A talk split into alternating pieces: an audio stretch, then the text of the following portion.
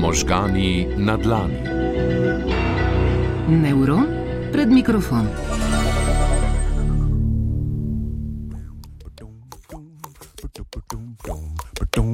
Tako se govori. Dobro jutro, dragi ljubitelji možganov. Upam, da ste lepo preživeli včerajšnji slovenski dan možganov in da ste jim za začetek današnjega namenili dovolj spanja, ki bo imelo jutri svoj dan. Ker je teden res možganski, ta neverjetna omrežja tudi letos obeležujemo z mreženjem naših programov. Luka, dobro jutro. Dobro jutro.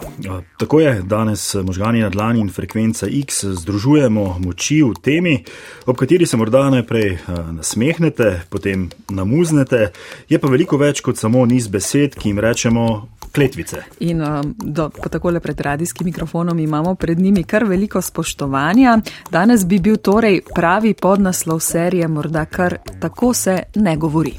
Ja, jaz sem za Savja, tako da je pri nas je to uh, vsakodnevno. Kadar sem jezna ali pa kadar sem tudi zelo razpoložena in hočem nekaj zelo fajn povedati in se mi zdi, da lahko s tem to podkrepiš. Ja, moram reči, da jaz pa zelo redko preklinjam. No, jaz bom tako rekla, da v bistvu mislim, da nihče ne želi preklinjati, recimo če sebe, da v prvi osebi govorim, da pa kdaj tega pritiska ne zmoreš in ti uide. Se pa spomnim, se pravi iz tistih najstniških let, da pa je bilo to uh, navada. Navada pač vsaka druga, tretja beseda ali pa peta, ne?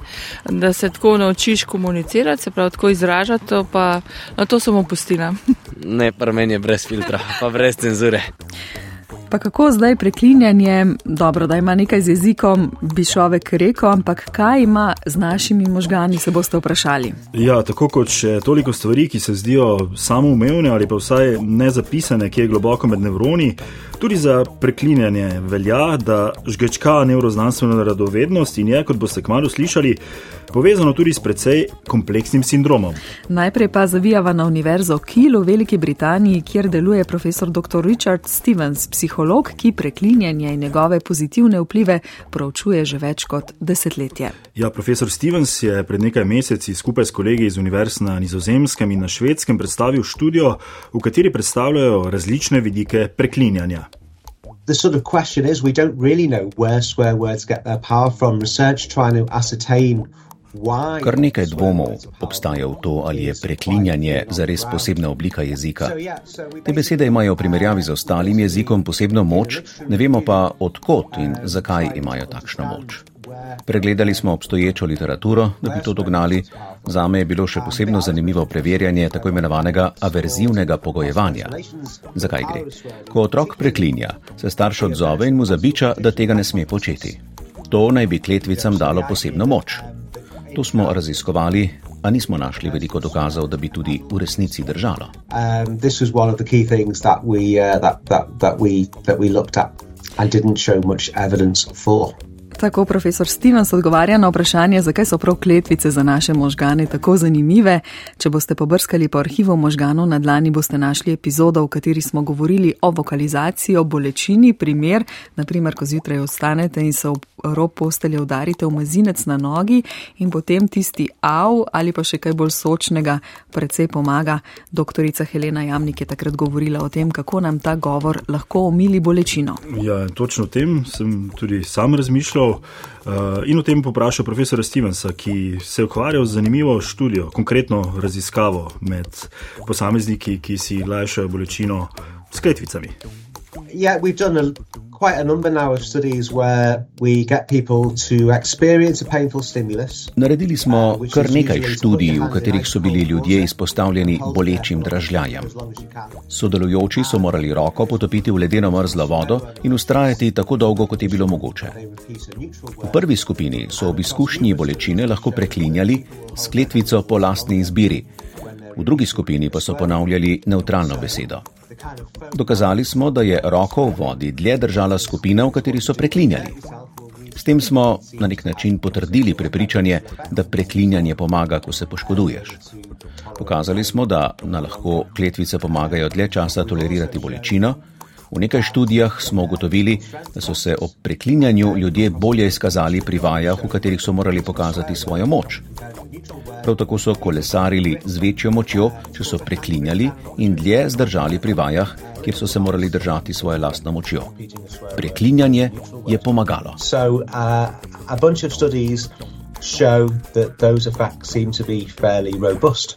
Vseeno pa z lukom ne priporočava, da to počnete doma, oziroma samo s preklinjanjem še nihče ni postal vrhunski športnik. Ja, tudi nisem še zasledil, da bi obstajalo kakšno prvenstvo v preklinjanju, kar še ne pomeni, da ga tudi ni. Vsaj neformalnega. Najbrž ja. Uh, sicer pa profesor Stevens v eni izmed svojih študij ugotovil tudi, uh, da celo kletvice uh, lahko izgubljajo svoj analgetični učinek ali pa moč. Namreč ob prekomerni uporabi preklinjanje izgublja svojo moč in to velja tako za fizično kot za duševno bolečino. Uh, vprašanje, na katerega pa raziskovalci še nimajo odgovora, pa je, ali smo s kletvicami morda res lahko celo zasvojeni. In me prav zanima, kaj o tem analgetskem učinku menijo na ključno mimoidoči nevroni. Zdaj mi za savci smo lahko zelo veseli, pa rečemo, ne vem, zdaj bom rekel, živijo mat korbo, kako si, ne? pa je to čist ok, ne? Ni nič slabega. Ne? Možgani zaurejo. Ne vem, po mojem se nekako sproščajo noter eh, neke, bom rekel, zavore, ki jih drugače imamo in mogoče s tem prek bom rekel, s kletvicami, nekako bolj želimo poudariti to, kar pripovedujemo. Najbrž se kakšen hormon sreče sprošča.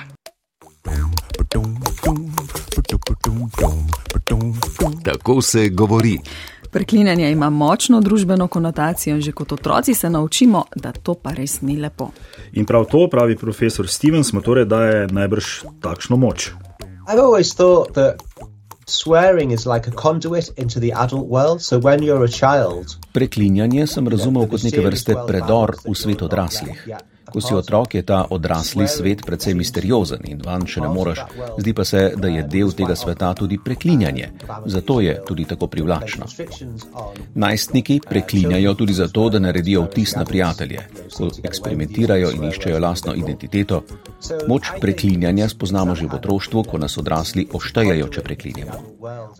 V Združenih državah so naredili eksperiment, kjer se približno polovica študentov ni spomnila, da bi bila zaradi preklinjanja kdaj kaznovana. A je to zelo težko potrditi in nasploh raziskovati, saj je preklinjanje precej kontroverzna tema. Raziskovalci se težko odpravimo v šolo in se pogovarjamo naprimer z 10 ali 12 letnimi otroci. Večina raziskav je tako upravljenih na odraslih.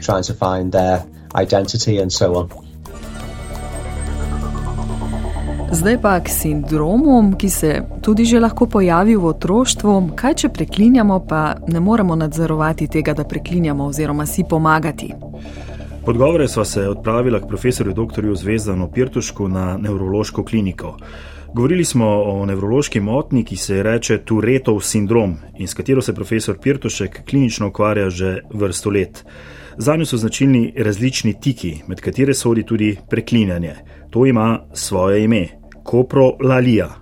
Simptom oziroma znak, ki ga poimenujemo po eh, dveh eh, grških besedah, ena je kopros, kar pomeni blato, feces, ne, in potem eh, lalein, kar pomeni govoriti, se pravi, da človek ne hote govori neke besede, ki socialno niso sprejemljive. Zelo pogosto in najpogostejše imajo te besede pravzaprav eh, erotično-seksualno vsebino, manj eh, torej pogosto so recimo povezane z živalmi, manj pogosto so tudi povezane z virskimi kletvicami.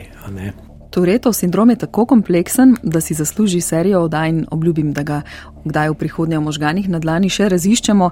Prav tako pa je stigma povezana z njim še vedno močna, kar predstavljamo si, kako reagiramo, če nekdo zraven nas nekontrolirano, recimo na kakšni prireditvi, v kakšni skupini, kjerkoli, ker tega res ne bi pričakovali, pa še sploh, torej v najbolj nemogočih socialnih okoliščinah, preklinja. Mhm to je mm, lahko zelo neprijetno, predvsem za bolnika s takšno boleznijo, lahko ga torej socialno izključi in tudi Profesor Pirtošek ima v svoje praksi nekaj takšnih izkušenj in seveda dodaja, da je pot ozaveščanja dolga, povezana je z znanjem in razumevanjem. O Turetovem sindromu se v javnosti ne govori ravno veliko, ja, zato, recimo z demenco. Zato zdaj to izpostavljava in dajeva uh, napladen uh, tudi socialnega dialoga, razumevanje možganskih mehanizmov tega preklinjanja, koprolalije, torej tega nekontroliranega preklinjanja, pa še ni docela razvozlano, obstajajo pa tri glavne družine pojasnil.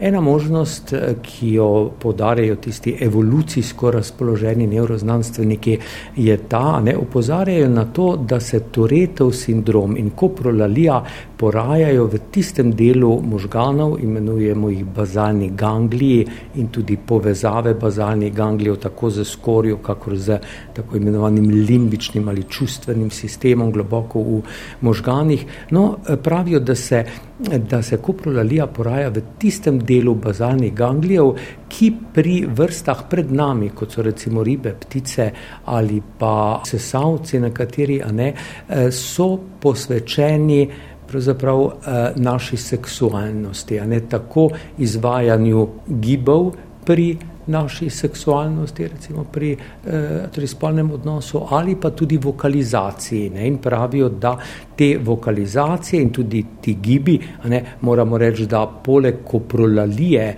imamo tudi nekaj, kar se imenuje kopropraksija. To pa pomeni izvajanje gibov, ki v konkretni kulturi pomenijo nekaj, kar, kar ni preveč dobro. Eh, torej kazati ne, z roko, s prsti, z ponavljajočimi se masturbatornimi gibi in podobno. Ne, to se pa imenuje kopropraksija. No in oboje, tako kopropraksija, kakor koprolalija, eh, se rojevata v tem delu možganov, ki je v evoluciji namenjen reprodukciji, se pravi eh, spolnemu vedenju. Ne. In ti prvi bi rekli, da je da je eh, pravzaprav vzrok koprolaliji pravzaprav to nekoliko modificirano vedenje, ki na nek način ponazarja spolni akt. No, drugi bi eh, pa opozorili na to, da je del poškodbe tam, kjer se bazalni gangli na to iztekajo tudi v možgansko skorjo. In med bazalnimi gangli in možgansko skorjo imamo mi zelo veliko zank, nekatere so tudi zelo specializirane in ponavadi jih ne izrazimo, kajti ravno prav, torej pravo ravnomesje neurotransmiterja dopamina nam dovoli, da ne izrečemo ali ne naredimo vsega, kar bi si morda v tem trenutku zaželeli. Imamo pa to v svojem tekočem programu. Se pravi, to se pod skorjo skuša izraziti, vendar skorja to lepo potem inhibira. Če pa imamo dopamina recimo preveč, kot je to pri Toretovem sindromu, potem se pa en tak mikrozanka ali mikrokrok dezinhibira, a ne rečemo sprosti in potem mi slišimo to koprolalijo, ki izleti iz človeka. Potem tretja, bi pa bila, pravzaprav jo pa bolj statistiki imajo zelo radi. Kaj so ugotovili statistiki? Da v večini jezikov, ne te kletvice, zlasti te spolno podarjene eh, kletvice, eh, pravzaprav odražajo statistično verjetnost nekih glasov, kako se porajajo glede na prejšnji glas. Ne, to so posebni računalniški programi in statistiki govorijo tudi o enem procesu Markova, ne, ki pravzaprav predvideva, katera črka ali pa kateri fonem, kateri glas se bo sprožil, če je pred tem glasom recimo A ali O. No in visoka statistična verjetnost je, da bomo našli ravno te seksualno obarvane koprolalije.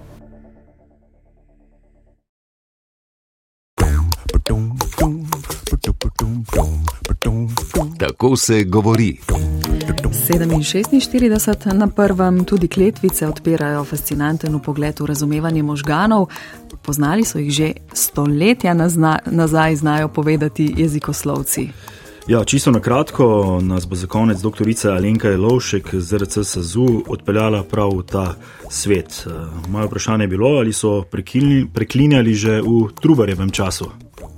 Ja, v 16. stoletju, ki večinoma um, temelji na verskih besedilih, slovenski protestanti, prevodi Biblije in ostalih verskih besedil, najdemo presenetljivo veliko. Um, Veliko besed, oziroma veliko pojavitev besed z zelo razvejano besedno družino, uh, ki danes eh, predstavlja zelo vulgaren izraz za promiskuitetno žensko oziroma poklicno prodajalko ljubezni. V tistem času je bil to vse splošno rabljen izraz za prešušnico, prostitutko, ki se je mirno uporabljal v tako prevodih Biblije kot v Trubarjevih različnih delih in ima zelo veliko število pojavitev in zelo razvejano besedno družino, tako za žensko kot za moškega, vse najdemo v teh škatlah.